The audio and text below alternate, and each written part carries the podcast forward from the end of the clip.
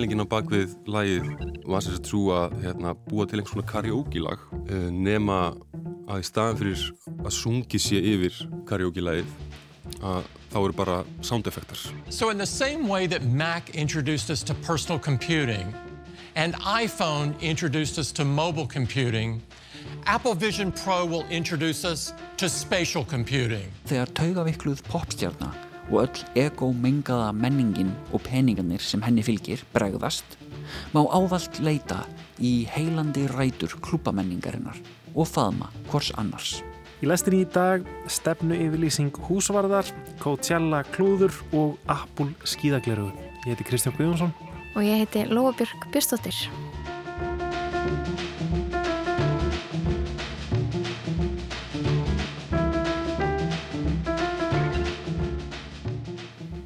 Hvernig helduru að húsvarðartónlist sé, Kristján? Góð spurning. Um, er það ekki bara eitthvað svona, eitthvað gott papparokk sem maður er svona í bakgrunnum og meðan maður lagar hluti eða eitthvað? Jú, kannski. Kannski er það ótrúlega mikið af hljóðupptökum af, af pípum og, og liklakippum og, og fótatæki mm -hmm. og, og svona þegar þú hendir rusli í rusl eða eitthvað. Ég get alveg ymda með það. En Gunnar Gunstinsson er með svar við þessu. Hann gaf út plötuna að Janitors Manifesto á dögunum. Þetta er önnur plata Gunnars og hún sprettur upp úr tímabili lífans þar sem hann vann sem húsvörður í Amsterdam. Uh, þessi plata hún átti upprunnulega að vera popplata um skúringar en þróast yfir eitthvað annað. Við ræðum með hann um þessa skemmtilegu plötu sem er full af húmor og vettvangsuptökum sem hann gerði í húsvarðarstarfinu.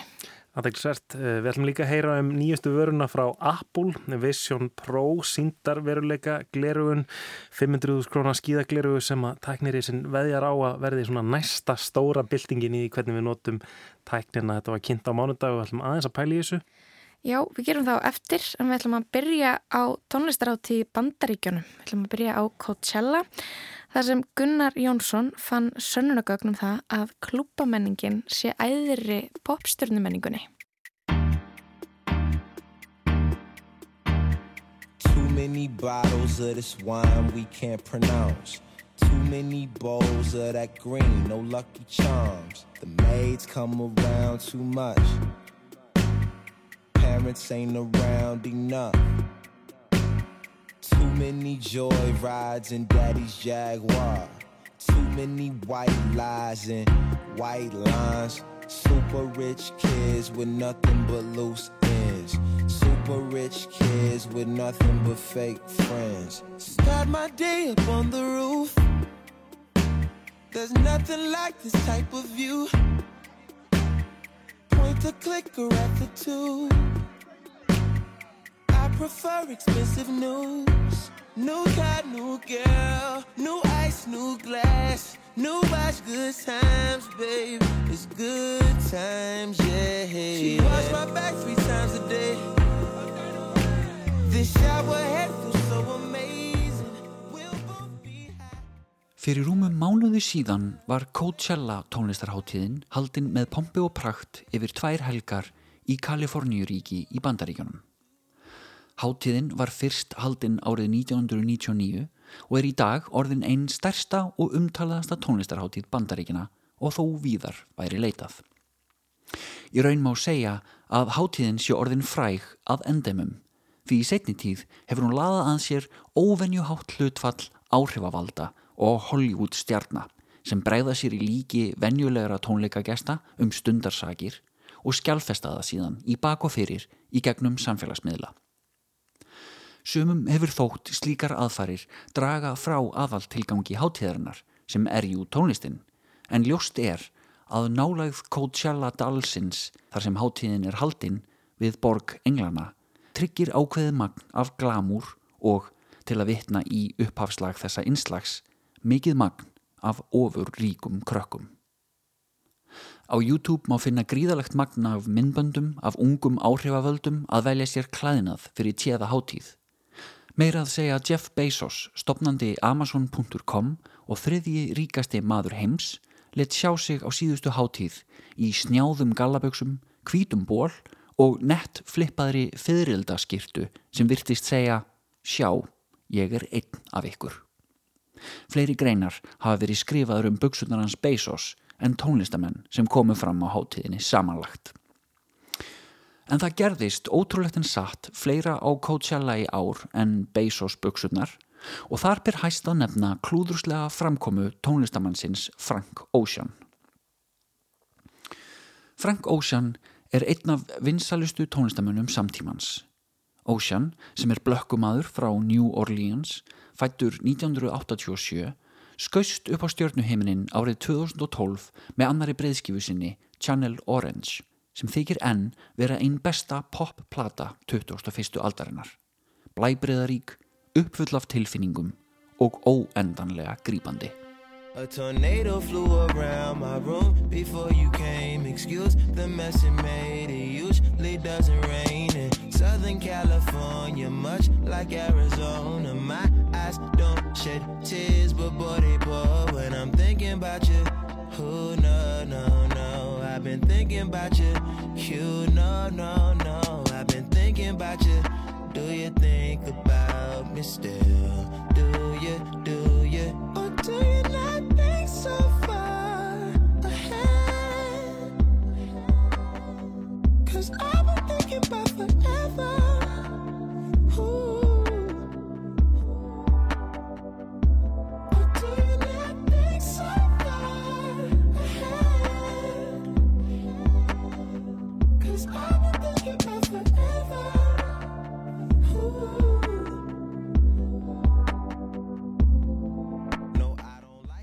Ocean innsiklaði síðan orðspór sitt sem pop-snillingur í augum almennings með plötunni Blond árið 2016. En á síðustu árum hefur hann gefið út minna af tónlist og einbeitt sér að skartgripa hönnun og öðru tísku daðri með misgóðum árangri. En það sem verra er, þá er Ocean orðin þekktur fyrir að vera óáreiðanlegur. Hann hefur í raun hætt við svo marga tónleika á síðustu stundu á síðustu árum að þegar hann var tilkynntur sem aðalnúmer Coachella í ár, maðurinn sem fengi það ábyrða mikla hlutverk að loka hátíðinni, veðjuðu margir á að hann myndi finna leið til að klúðra því. Og það var nákvæmlega það sem gerðist. Fyrst tókst Ocean að reyta tísku miðaða gesti til reyði með því að selja engan varning á hátíðinni. Síðan hætti hann við að streyma tónleikonum sínum á YouTube síðu Coachella og loks tókst hann um að stíga á svið klukkutíma of seint og halda stutta tónleika sem ollu mörgum bombriðum. Listamæðurinn var falinn á bakvið stóra skjái meiri hluta tónleikana. Lagavalið þótti óheðbundið, Ocean tók þekkt lög eftir sig í svo óþekkjanlegum búningi að Bob Dylan sjálfur hefði verið stoltur og svo gekk hann endanlega fram af tónleikagestum með því að láta plötusnúð spila tónlist á miðjum tónleikum á meðan hann fyldist með og dansaði. Strax eftir tónleikana mátti greina mikla gremju á spjallþráðum internetsins. Eins og margir orðuðu það virkaði eins og Frank Ocean hefði ekki haft nokkur áhuga á að vera þarna. Hann ávist að hafa fengið fjórar miljónir bandaríkjadólara, rúmlega hálfan miljard íslenskara króna fyrir flutningin, en þótti ekki hafa unnið fyrir laununum sínum. Í fyrsta sinn síðan Frank Ocean varð frægur mátti greina nýjan tón í umföllun um hann. Var hann kannski eftir allt saman ofmetinn? Prímadonna með ómikinn pening millir handana, gaggrinnin á ofur ríku krakkana en mögulega engu betri sjálfur. Fljótlega fóru á kreik sögusagnir um að miklu púðri hefði verið eitt í að reysa skautasvell fyrir framann sviðið sem átti að verða ógleimanlegur hluti af tónleikonum. Ocean á að hafa hætt við herleiheitin á síðustu stundu og senkun tónleikana verið vegna þess að aðstóðarmenn voru kaltæðnislega sveittir við að bræða margra miljón króna skautasvell niður í örendir sínar í miðri Eidamörk, Kaliforníu. Vegna þess að Coachella háttíðin er haldin yfir tvær samlíkjandi helgar urðu margir samferðir um að Frank Ocean myndi hætta við að spila á setni helginni eins og til stóð. Og það gekk eftir. Þegar Ocean hatrið stóð sem hæst gaf hann út tilkynningu þess eðlis að hann þyrti að hætta við setni tónleikana vegna ökla meðisla sem hann hlaut í aðdraganda fyrir tónleikana. Tilkynningin virkaði eins og bensín á hatur spál Coachella gesta. Maðurinn hafði jú sérst dansa á fyrir tónleikonum svo ökla meðslinn voru samstundi stæmd sem léleg afsökun. Það er mikilvægt að leifa listamönnum að njóta vafans.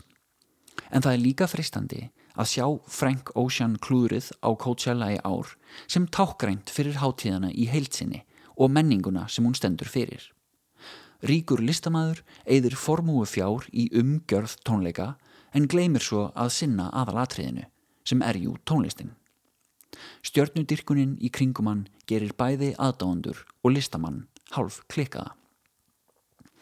En ef Frank Ocean endaði á að vera illmenni Coachella í ár þá skapaði ástandið líka hetjur. Raftónlistamennir og plötusnúðarnir Fortet Skrillex og Fred Again höfðu komið fram sem þrýjeiki á fyrir helginni og slegið rækila í gegn með mögnuðu danspartíi. Þeir stóðu sér raunar svo vel að þeim var samstundis bóðið að leysa Ocean af á setni helgi Coachella. Skiptunar þrjár skoruðust ekki undan og enduðu á að loka hátíðinni með tilþrifum. Kókristir stiltuðir plötusnúa græjunum sínum upp þar sem bölvað skautasvelliðans Frank Ocean átt að vera og heldu dansparti sem var, ef eitthvað er að marka umsagnir hátíðagesta, einstakt augnablík í sögu Coachella hátíðarinnar.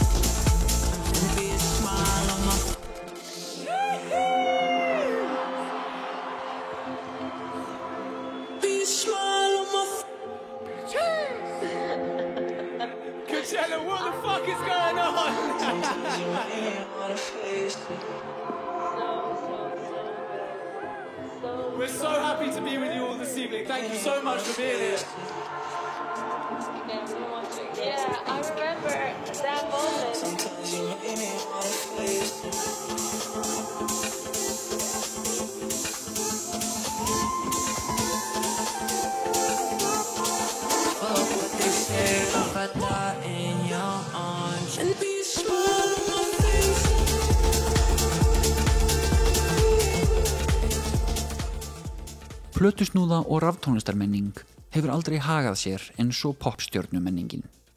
Vissulega geta plötusnúðar orðið frægir en í grunninn gengur raftónlistarmenningin ekki út á mannin á bakvið plötuspilaran heldur fólkið sem er komið til að dansa.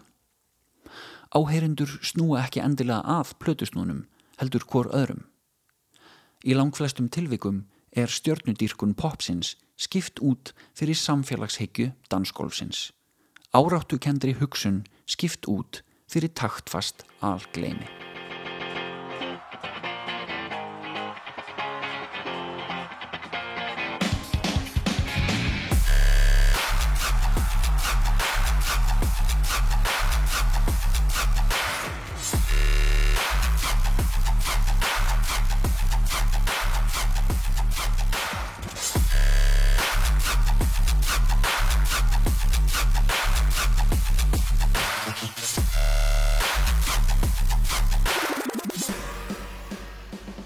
Gestir Coachella lístu margir hvernig þeim leið í þessu óvænta danspartíi for Tet, Skrillex og Fred Again eins og þeir væru þýningamiklir samhöfundar frekar en passífir aðdáandur. Það þurfti að bjarga hóttíðinni og fólkið gerði það í saminningu. Og þrýikið upp á sviði spilaði ekki aðeins sína eigin tónlist, heldur alls konar skemmtilegt úr öllum áttum.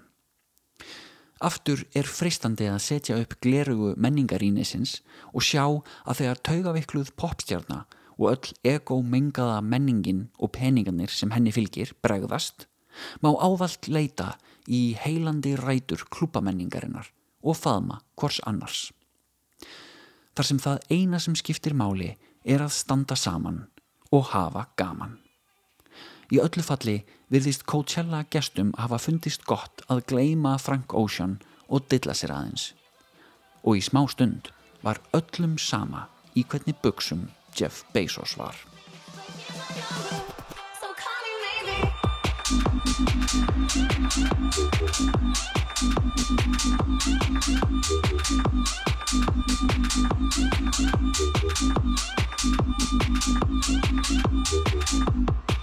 Thank you. Thank you.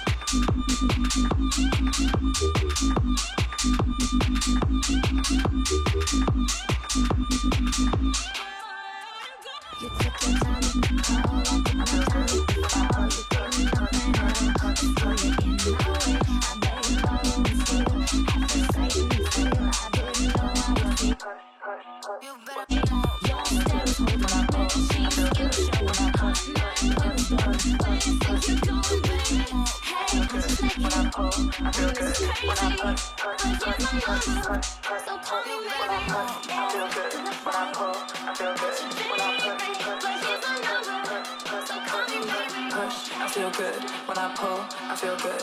When I push, push, push, push, push, push, push. When I push, I feel good. When I pull, I feel good. When I push, push, push, push, push, push, push. When I push, I feel good. When I pull, I feel good. When I push, push, push, push, push, push. I feel good when I pull. I feel good when I push, push, push, push, push, push, push. When I good when I pull. I feel good when I push, push, Gunnar Jónsson saði frá bandarísku tónlistaháttíðinni Coachella og við ætlum að halda okkur í bandaríkjunum. Vision Pro is a new kind of computer that augments reality by seamlessly blending the real world with the digital world. It's the first Apple product you look through and not at. Vision Pro feels familiar, yet it's entirely new. You can see, hear, and interact with digital content just like it's in your physical space. Hér heyrðu við í Tim Cook, forstjóra Apple að kynna nýjustu vöruna frá tæknirísanum Vision Pro núna á mánudag. Þetta er fyrsta nýja varan frá því að Apple úrið koma markað fyrir sjö árum. Þetta eru síndarveruleika glerugu sem eiga að blanda raunveruleikanum og hinnum stafrana heimi saman í eitthvað sem hann kallar Spatial Computing, rýmis tölvuvinnsla, rýmis tölvun. Glerugun sem koma markað á næsta ári koma til með að kosta halva miljón króna. and connect with people as if you're sharing the same space. These are just some of the ways that Vision Pro blends digital content into the space around us. So, in the same way that Mac introduced us to personal computing and iPhone introduced us to mobile computing, Apple Vision Pro will introduce us to spatial computing. Já, Spatial Computing er það sem að Tim Cook kallar þessi síndarveruleika glerugu frá Apple. Síndarveruleiki, þetta gömul hugmynd hefur uh, komið fyrir í mörgum bíómyndum. Þetta er eitthvað svona draumur um að við getum farið inn í eitthvað annan veruleika, Ready Player One eða, eða ýmsar aðrar myndir sem hafa, hafa gert þessu skil. Það er eiginlega öll sko tækni fyrirtæki í heiminum búin að vera reyna uh, að einhvern veginn uh, umbreyta þessu svona síndarveruleika um, glerögna markaði einhvern veginn og, og láta almenning nota þetta. Þetta er, þetta er vinsalt hjá sko, tölvu, tölvuleikja spilurum en ekki hjá almennum notendum. Um, munum eftir í 2013 þegar Google Glass kom á markað og átti einhvern veginn að gjörbylta því hvernig við notum uh, tæknina Ég held að enginn hafi keft Google Glass. Nei, þau voru svo lúðaleg að það enginn vildi nota þau. Uh, Svo hafa Microsoft verið að reyna að ná þessu markaði með HoloLens og uh, Meta eða Facebook með Oculus Quest og það, veginn, það virðist aldrei ganga að fá fólk til að nota síndarverulega glerugu og síndarverulega glerugu er kannski ekki alveg rétt varðandi eins og þessi Apple glerugu, þetta er blandaður veruleiki, augmented reality, AR, þar sem að í rauninni maður fær svona himnu uh, af tölvu sem að einhvern veginn leggst yfir allan veruleikan þannig að tölvulutinir fara bara inn í rýmið í kringum okkur. Já, þetta er svona hlutur sem að, ég, þú veist, við höfum svo hugmyndum að þetta sé framtíðin og endanum munum við einhvern veginn bara enda með eitthvað gleru og við séum inn í tölvunu og inn í, já, tölvu heimum alltaf. Mm en ég er svona veltið fyrir mér hvort að við séum tilbúin í þess að framtíð núna, hvort að það sé raunverulega komið að þessu. Sko, einmitt, um, það eru, mér sýnst viðtökunar hafa verið svona almennt frekar neikvæðar gagvart uh, þessari nýju vöru frá uh, Apple, eða sko, varan sé mjög góð og flott og, og glæsileg og virki vel og svo leiðis. Já, alveg svona frekar geggju tækni, maður sér það alveg. En spurningin er bara, mun einhver vilja nota þetta? Einmitt, um, og það eru um nokkra ástæður held ég fyrir því að fólk mun ekki vilja nota þetta sko, ein er bara hreinlega fagufræðileg það er, þetta lítur út eins og skíðagleru og það er lúðalegt að vera með skíðagleru uh, bara einhvern veginn á skrifstofunni eða heima hjá sér. Um, og meiri segja sko í kynningunni þá let Tim Cook, hérna forstjóri Apple, glerugun ekki á sig. Þú veist, hann, hann einhvern veginn vildi ekki líta greinilega asnalega út, sko.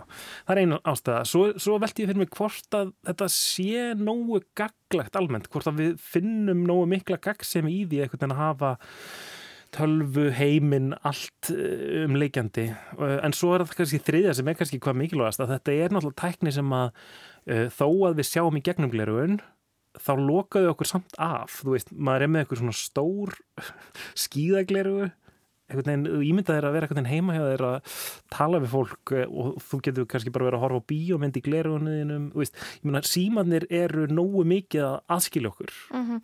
Ég mitt skil ekki af hverju maður ætti að vilja vera inn í tölvunu sinni, uh, og ég horfði síðan á, á kynningamindband og var eitthvað svona að skoða þetta og ég var og, og því Apple þau gera allt svo fallegt og það er svo áferða fallegt allt sem Apple gerir en, og allir er að gera eitthvað svo æðislega hluti í tölvunu sinu og allt lítur svo vel út og ég var eitthvað en fólk er ekkert að gera svona flotta hluti í tölvunni sinni og maður vill ekkert vera inn í hvað við verið, inn í Excel-skjali inn í tölvupost, inn á Instagram Reels, þú veist, þetta er bara svona ma- mann er verið óglætt við tilöksunum að Já. tölvuposturinn mann sé risa stór beint fyrir framamann, þú veist, maður vill það ekki, það vill þetta eitthvað Og svo kannski það sorglega í þessu sko, ég held að við séum öll að upplifa það að okkur finnst símatnir og tæknin vera að taka aðteglina okkar og mikið frá okkur mm -hmm. og einangra okkur. Já, og, og í þessu kynningamindbandi þá er, svona, wow, þú getur notað þetta til sem sagt taka myndir eða svona,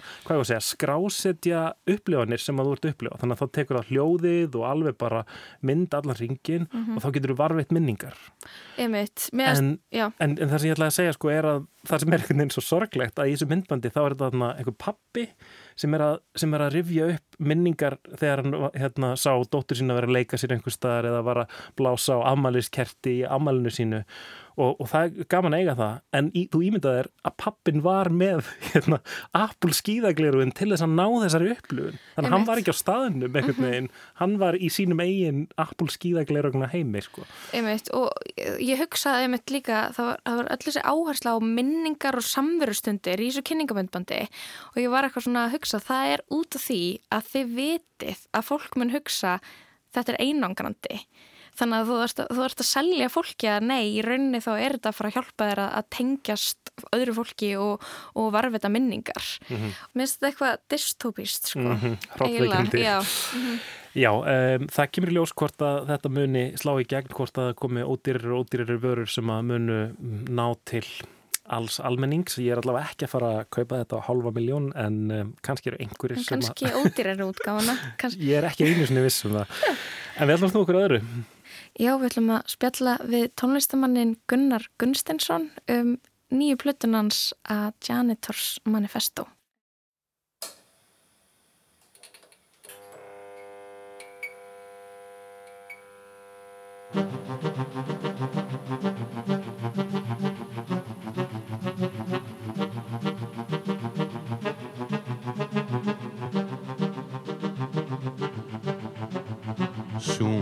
Soon, we can finally wiggle our pelvic cavities and somewhat hairy genitalia in the moonlight again, carelessly and in no particular tempi, just like back in the golden olden days.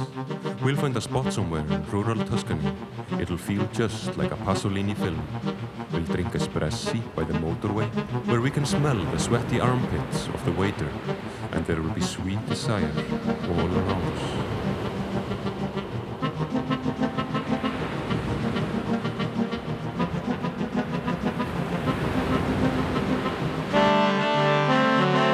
If we get bored, which is extremely unlikely of course, I'll just call Ralphie from Switzerland and his four-piece brass band and they'll play that requiem we all seem to love so very much. What else?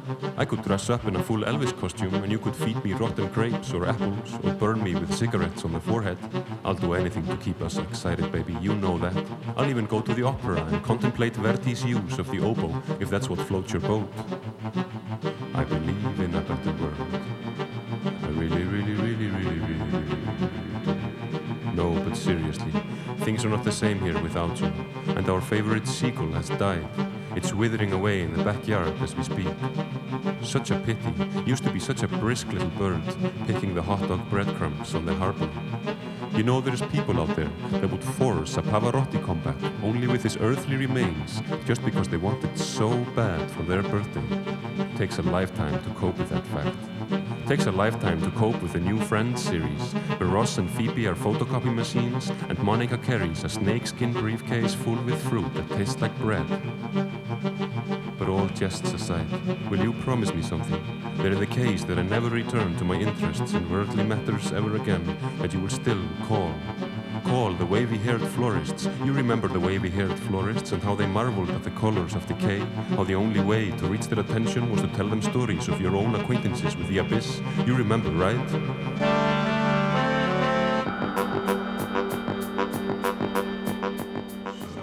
Hjá mér situr tónlistamæðurinn Gunnar Gunstensson. Á dögunum kom út platan að Janitors Manifesto stefnu yfirlýsing húsvarðarins. Varstu velkominn Gunnar Takk fyrir það. til að hafa ekki með plötuna. Ég held að þetta sé nýja uppáhaldsplata mín. Vá, takk fyrir það. Isn't love crazy? Crazy. A big song and a big play where the only way to know what goes on is to sing along before it's gone. On the other hand, it's not really rocket science, you know.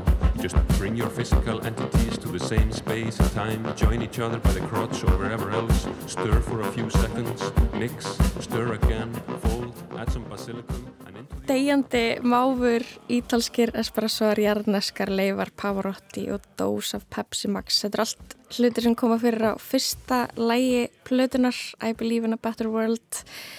Tekstanir á þessari plötu, þeir eru mjög skemmtilegir. Þetta er svona eins og náðast þessu lýsingar á senum í bíómynd eða bók. Eh, hvaðan, hvaðan komur sér tekstar? Hvaðan sækir innblástur? Ég myndi nú segja kannski bara aðalega það að textarnir kannski þeir endur spekla svolítið svona eitthvað tímabill í mínu bara lífi sem ég, þegar ég er að semja á.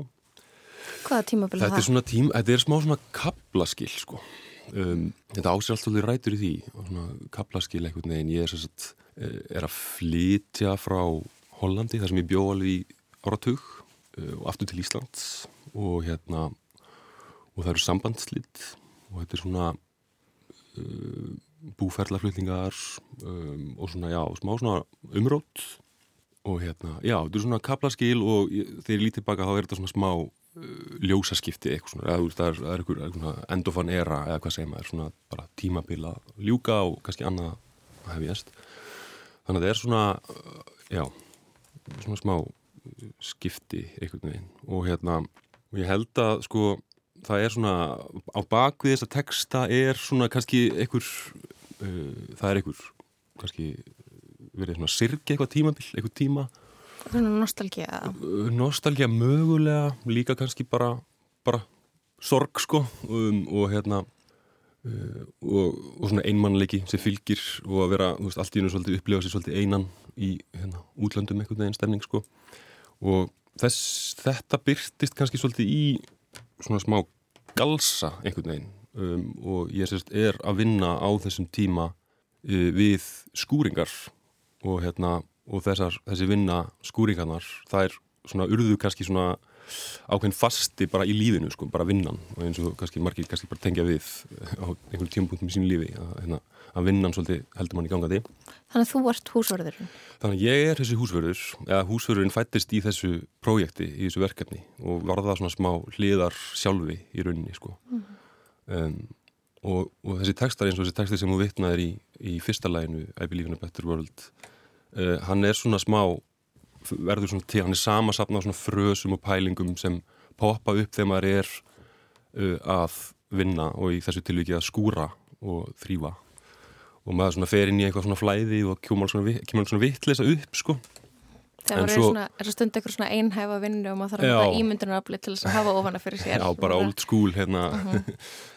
Einmitt, stitta tíman um, og, og í fyrstu virðist þetta vera bara algjör vittlisa sko, en svo þegar betur eru að gá þá er kannski einhver, einhver taug á bakvið hérna, svona vittlisuna Ég var að tala um svona að, að þetta fekk mér til að hugsa um senur úr kvikmynd. Um, tengiru við það? Já, algjörlega. Kvikmyndin sé í Algjörlega, ég held að hérna bara kvikmyndir eru já, það er algjörlega rétt skinnjað hjá þær þær eru stór innblástur uh, fyrir mig sko og hérna Mér finnst það líka textanir svona, þau varpa eitthvað svona, eitthvað svona fyndinni mynd af samtímanum. Ég fór strax að gera tengingun eitthvað en já, eitthvað svona hugsu við, við sjáum alltaf líf okkar uh, fyrir okkur sem eitthvað svona bíómynd. Já, við erum alltaf eitthvað personur, það er alltaf eitthvað sena, við erum aðal personunar og þetta er senan og hún er svona og eitthvað, ég, ég fór svolítið þangað. Já, ég get alveg tengt við það og ég myndi segja að sko svona svo pæling sem var svolítið mikilvæg uh, fyrir vinsluna á plötunni um, er svona kannski doldið svona þessi tókstreita á milli svona hverstarsleikans, ofur hverstarsleikans og einmitt kannski svona einhverjar ímyndunar, ímyndasköpunar sem um, og það varð svona, ég man þegar ég var að byrja á þessu verkefni fyrir dárallu síð, löngu síðan 2016, 17 eða eitthvað Þú, þú byrjar á þessari plötu 2016. Já, bara mjög langt síðan. Og hérna þá ætlaði ég sérst, að gera bara popplötu. Og hérna og það hafði alltaf verið draumur að búi til bara eitthvað svona bara popplötu. En svo byrjaði ég að leita mér að svona hugmynd til þess að vinna með og hvernig ég svona stýrt vinnunni að þessari popplötu og þá á sama tíma er ég að byrja sérst, að skúra. Og hérna bara til að eiga fyrir salt í gröðin sko, þú veist og ennfremur er ég að, hérna, að sagt, fæ ég áhuga á sagt, vettfangsupptökum og fer að taka upp, út af maður er ofta að vinna á kvöldin kannski og þá heyri maður í húsinu og eitthvað svona.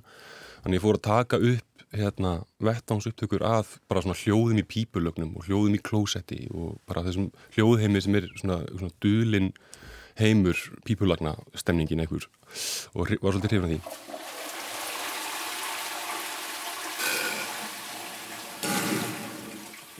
þetta fyrir að leka síðan yfir í þessa popplötu og hérna og þá kannski vaknaði þessi svona brandari sem, þetta er kannski svolítið langur dítúr hérna hjá mér þá vaknaði þessi svona brandari um, að þú veist að gera popplötu sem væri einhvern veginn hvað ómarkaðs uh, vænust, þú veist, sem væri mögulega þá popplöta um skúringar, þú veist, þannig að það var einhver svona brandari og og það er svona einhver tókstreita sem ég tengi rosalega mikið við uh, það sem þú varst að segja að, hérna, að það er svona, maður einmitt, býr til einhverja ímynd af sér veist, og það er rosalega mikið í gangi í samfélagsmiðlar og svo, og svo er bara einhver hérna, ofur hverstarsleiki sem fær ekki að sko, hérna, byrtast No, and I'm trying to be serious for once. I'm just thinking what everybody is saying.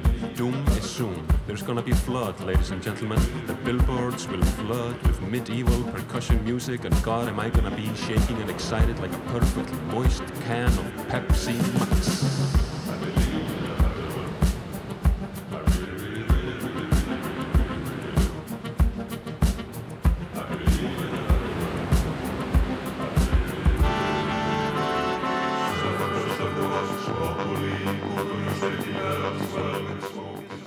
Já, mér fannst ég svona finna mest fyrir húsverðinum í læginu Janitor. Þá heyrir maður fótotækið og leikla kippuna einmitt. sveiflast. Er, er það vettfangsupptökur? Já, það er til dæmis vettósöfnugur. Reyndar var hérna pælingin með Janitor-læginu að sem var hérna svona kannski partur af svona þessum svona galsa sem ég myndi segja væri svona á fyrri hluta plötunar.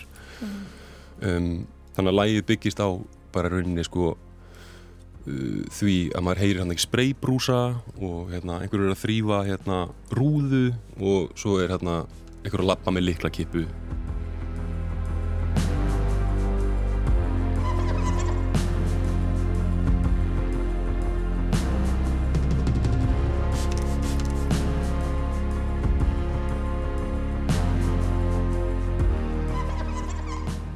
Pælingin á bakvið lagið var sér að trú að hérna, búa til einhvers svona karaoke-lag uh, nema að í staðan fyrir að sungi sé yfir karaoke-lagið að þá eru bara soundeffektar um, eins og einhver væri og nú komum við aftur á í rauninni kvikmyndagerð eins og einhver fóliartisti eða einhver sem býr til uh, hljóðurás fyrir hérna, kvikmyndir til dæmis með því að taka upp hérna, einhver stingur í melónu það var það, þú veist, hérna Stungu, eða- eitthvað sko, þú veist, já. og svona alls konar svoleiðis.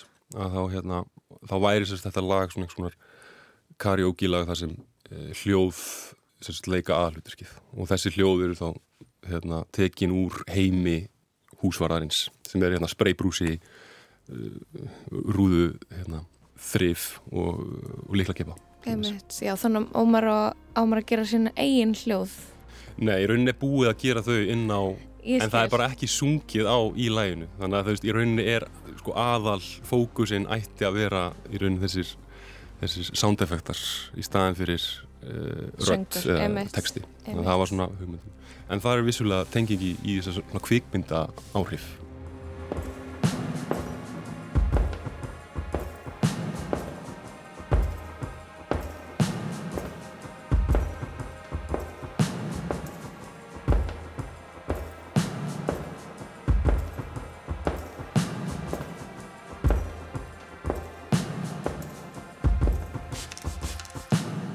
Þetta er í rauninni, þessi plata er kannski að einhverju leiti framhald af hlaðvarpi sem ég gerði 2015-16 eða svo leiðis. Þar sem ég var að gera tilraunin með tónlist og talað mál.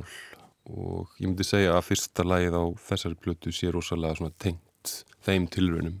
Að einhvern veginn flétta saman bara töluðu máli og tónlist og þannig að talaða málið og tónlistin teng, eigi sér ímsa tengipunta, þannig að leita tengipuntum á milli talaðsmáls og, og tónlistar og þetta podcast heitir uh, The Music Cosmology Etudes eða etíður í uh, músikkosmológíu eitthvað svo leiðir og, fer, svolítið, og er svolítið svona í dagbókarformi. Og það er það nálgast þetta podcast um, held ég á iTunes og á Soundcloud ef að leita þér af mínu nafni. When playing a game of cards most people dismiss the joker cards showing colorful gestures, doing a silly pose or playing the lute as irrelative extra.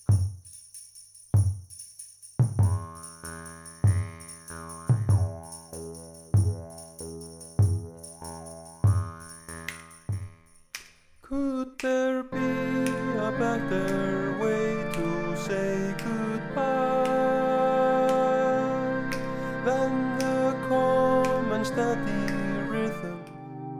A film is starting. Opening credits. Then a close up of feet wearing shiny leather shoes, standing on a chessboard floor moving slightly in a steady rhythm.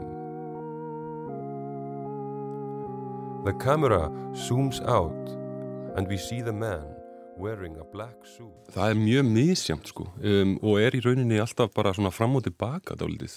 Uh, Það kemur textabrót sem hefur áhrif á tónlistina og tónlistin hefur svo áhrif tilbaka. Ég prófa kannski að flytja textabrót yfir einhverja tónlist og þá kveikna áframaldandi hugmyndir. Hvað varst það að gera í Hollandi? Varst í tónlistana með þar?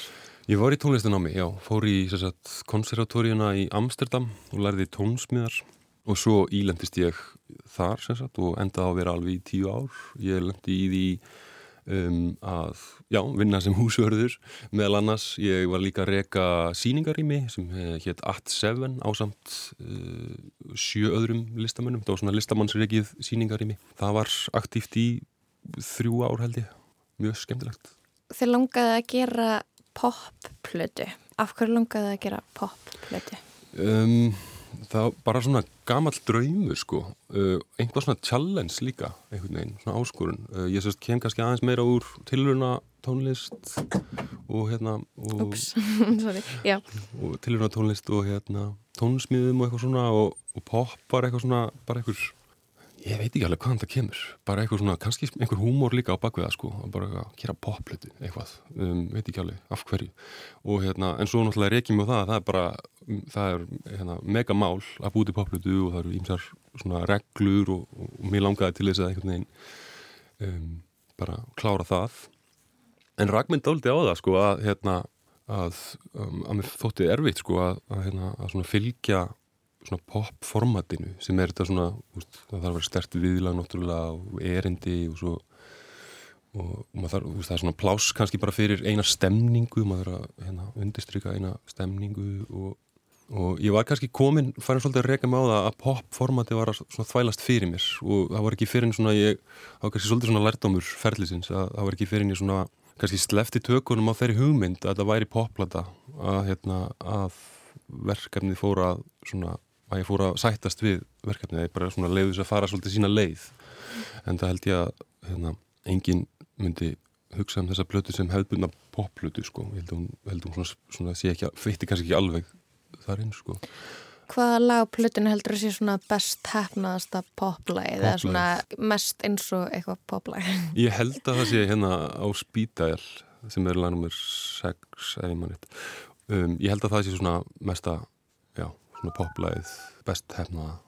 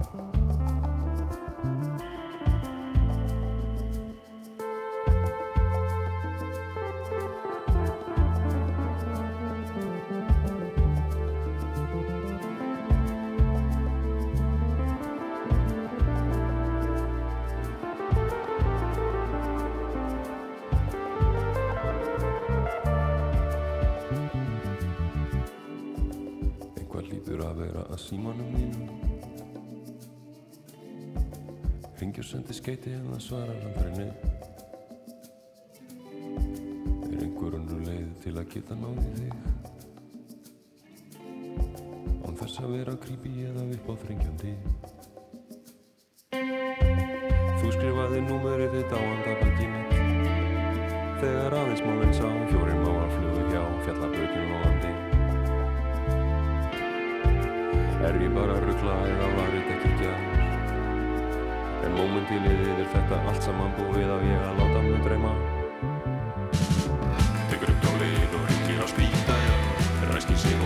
hugsaður upp brandara Örlítið titrandi fjallari Ei, ei, ei, ei, ei, viðina Klára kaffi og lappa í þrjákviti Kveikir í sík og ringjar upp gerðkvöldi Örlítið titrandi fjallari Ei, ei, ei, ei, ja, ja, ja, ja, ja, ja Gerður þú mikið af lélögum poplögum svona við plötu? Já, mjög mörg sko. Sem voru bara hræðileg? Já, mjög mörg sko. Það var mjög áhugavert að fletta í gegnum þann gagnagrunn sko.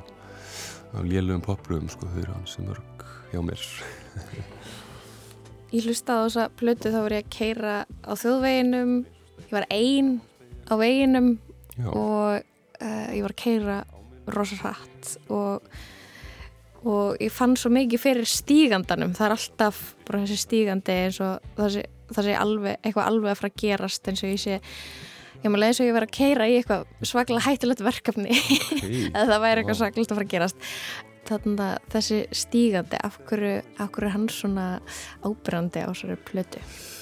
Já besta gískið mitt er í rauninni um, í rauninni bara sá staður sem ég er á því er í semeta sko, sem er kannski smá þessi staður svona, einhver eftirvænting eftir einhverju koma aftur að svona kabla skilum sem eru í gangi þegar ég sem tónlistinu og textana kabla skil og það er svona einhver eftirvænting eftir að, að halda áfram kannski með lífið sko og kannski hefur það skilað sér í, í hérna tónlistina. Þú komst hingað með eintak af Wire. Herru, já. Eh, Þar var skrifaður uh, dómur um þessa já. Hvaðna, hvað kemur fram? Herru, ég þarf nú bara að fletta þessu upp, sko. Já, þarna, varstu, varstu ánæður? Ég var mjög ánæður, sko. Bara gaman að, hérna, að fá svona umfjöllun. Og þetta var í, yfir, í, í heldina bara jákvætt og hérna, mikill léttir uh, að hann hafi verið jákvæður dómurinn. Hann hafi ekki verið hérna hakkaður alveg í sig, sko. Hér er sagt uh, bara, þú veist, já, hérna, loka línan er, er bara mjög skemmtileg. Uh, Creative, punchy production ensures that even in its most eccentric moments a janitor's manifesto is at all times a feast for the ears. Það er svolítið góður dómur. Já. Ég er bara mjög sáttur við þessa línu, sko. Get Mhm. ekki fyrir annað. Ég sá að það komu út inntök á vínil Já, á plötunni. já er, þetta- hún er gefin út á vínil. Ég ætlaði að koma með hérna vínil en uh, einhvern veginn glemdi það. Uh, kem með, kannski við tækifæri. En já, hún var gefin út á vínil aðalega og það var einhvern veginn, það var alltaf einhvern veginn planið að, og svona að gefa út á vínil og þegar ég var að semja kannski formið á plötunni að þá, þá var vínilplatan í huga, svona 15 mínútur og hverju hlið einhvern veginn og svona tvískipt form og svona ég held að fyrri liðin, A-liðin er svona það er þessi svona galsi einhvern veginn og svo á setni liðinni þá kemur kannski svona einmannalegin betur í ljós og, en, hérna, en svo þótti mér endar uh, ég þurfa að hafa svona smá gleði í lokin svona, uh, svona mögulega hérna, eitthvað skrefin í einhverja nýja ráttir þannig að lokalægið er kannski aðeins svona hressara en hérna, að öðru leiti þá er þetta tvískipta form svona nokkuð í þess áttina Hvað heldur þú hafi verið í, í mörg ára að vinna þessari plötu? Já. Kom hugmyndin 2016, sagði það? Já, ég byrjaði 2016, þá var hugmyndin svona popplata um, tók langan tíma að þú veist, eða þú veist svona þó nokkuð tíma, þetta fór svolítið hratt fyrst kannski af stað og svo leitaði ég að svona hugmynd eða svona konsepti og það kom svona þessar óvæntu átt, svona skúringa áttinni og svo einhvern veginn fer svolítið í gang svona kannski svona hérna, erfið, erfiðu kapli sem hægir á öllu ferlinu alveg bara að þetta tegist rosalega úr þessu og ég missi trúna á þessu, ég veit ekki hversu oft ég held ég hef gert sjö útgáður á þessari plötu eða eitthvað og svo fæ ég lið með mér hann á einhvern tímapunkti Júhó Núrmela sem er finnskur vinu minn hann, og hann býr hann út í Amsterdam og hann einhvern veginn svona hjálpa mér alveg rosalega mikið sko og að hérna íta mér í gegnum og að klára þetta bara. Og þannig að ég er svona komið með svona nokkuð heilstifta mynd þarna eftir alltaf sé ekki fjögur ár eða eitthvað þá, þá flyt ég sko til Íslands og klára í rauninni plötuna á Íslandi. Um, og svona loka smiðsökið og, hérna, og svo mixu við hana saman ég og Júhó þannig að þetta eru held ég allt í allt öruglega alveg bara sex ári eða eitthvað sko Og þú, þú ert að gefa út með, hvað það eru, belgísk, Já, ble- þetta- belgískri útgáfa. Já, þetta er hérna belgísk útgáfa eða hann er svona á, á milli Rotterdam og Brussel um, hann Frederik og hann er með þetta mjög spennandi þetta, þetta, þetta mjög spennandi félag sem heitir uh, Futura Resistenza og er mjög hérna yðin og er að gefa út mikið á efni og bara ég hvet bara fólk til þess að skoða þessa útgáfu sko, mikið að kennir ímis að grasa sko, margt skemmtilegt Frábært. Gunnar Gunnstensson, takk hérlega fyrir komuna í lestina til hamingju með eh, stefnu yfirlýsingu húsvarðarins og þennan góða dóm í The Wire. Kæra þakkir bara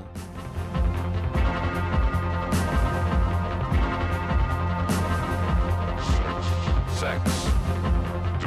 Democracy.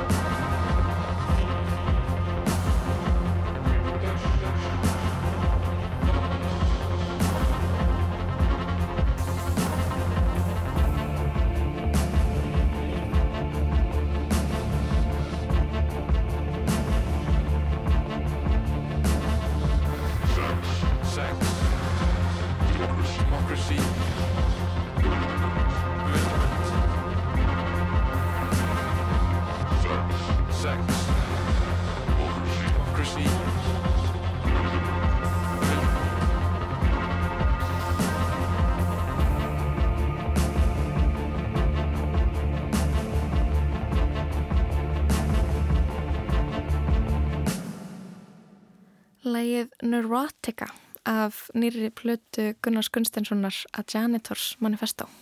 Stefni yfirlýsing húsvarðar, já, um, við erum búin að fara miðan völli í lestinni í dag, við fórum til Coachella í bandaríkjónum þar sem að tónlistarháttíðin eh, Coachella fór fram uh, í síðasta mánuði uh, Gunnar Jónsson fjallaðum uh, þá háttíð og svona ákveði atvik sem gerist þar. Svo rættu við aðeins um Apple Vision Pro, nýju síndarveruleika glerugun frá Apple og svo var það Gunnar Gunnstensson hérna í lokin. En okkur langar að benda fólki á eh, sem að hlustaði ekki á lestina í gær að þá var þátturinn allur tilengaður kvölum, kvalveiðum og, og kvalveiði mótmælum svona sérstaklega. Um, þátturinn er aðgengilegur í öllum hlaðarsveitum og, og spilar að rúfa sjálfsög að spila hérna smá svona stiklu úr þætti gerdagsins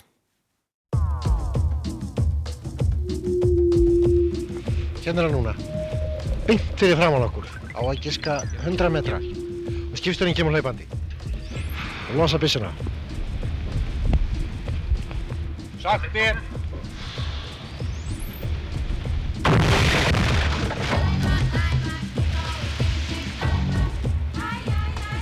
Útlendingaeftilitið hefur fylst með ferðum fólks úr landinu í dag eftir að ljóst var að um skemdarverk var að ræða þegar kvalbátandir tveir sukku í Reykjavíkurhafn. Íslendingar eru bara almennt alveg óbáslega hlindir kvalviðum. Þetta er ekki alþjóð kvalviðráðu, þetta frekar að kalla þetta alþjóð ekki kvalviðráðu. Hvað vitum mikið um Keiko? Ekkert svaklega mikið. Nei. Þrýr menn úr kvalavinafélaginu fóru um borð í kval nýju sem láfi festar í kvalfyrði í dag og hlekkjuðu sig við kvalabissu og mastrið í útsýnistunnu. Það var adrenalín í aksjónunni og maður vissi að við vorum við að leggjast á högstokkin á einhvern nátt. Ertu að segja þetta út því þú ert útdorfstjóri eða ertu að segja alveg dagsatt? Ég er að segja alveg dagsatt. Then what they are doing is putting the interests of Christian Lawson in front of the interests of all the rest of Icelanders. Einhvern veginn trúið í alverðinni að hver einasti kvalur skiptir máli. Myndur auðvitað mann hlekkaði við kvalveðskip? Úf, það er stort að spurt.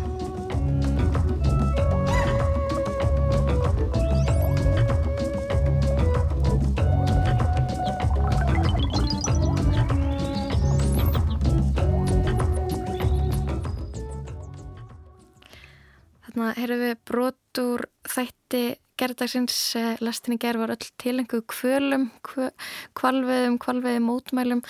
Það er mjög gaman þegar við náum að helga allan þáttin einhverju einu efni. Algjörlega. og grúska svolítið í kistu ríkisútarsfrens líka. Einmitt eh, og þarna í þettinum í gær þá rættu meðal annars við Bendit Erlingsson, Rán Flýring, Kristínu Yngvarsdóttur og Finn Ríkard forsetta ungra umhverju sinna og svo höfðu við margar, margar, margar aðra rattir Pól Watson, eh, Kristján Loftsson Sverrir Hermansson og fleiri og fleiri. Og eitthvað í kvölum líka. Það sjálfsögðu. En um, lestin verður ekki lengri í dag eða þessa vikuna við Kristján og Lóa þakkum fyrir samvildina Tæknum aðri dag var Litja Gretastóttir verið sæl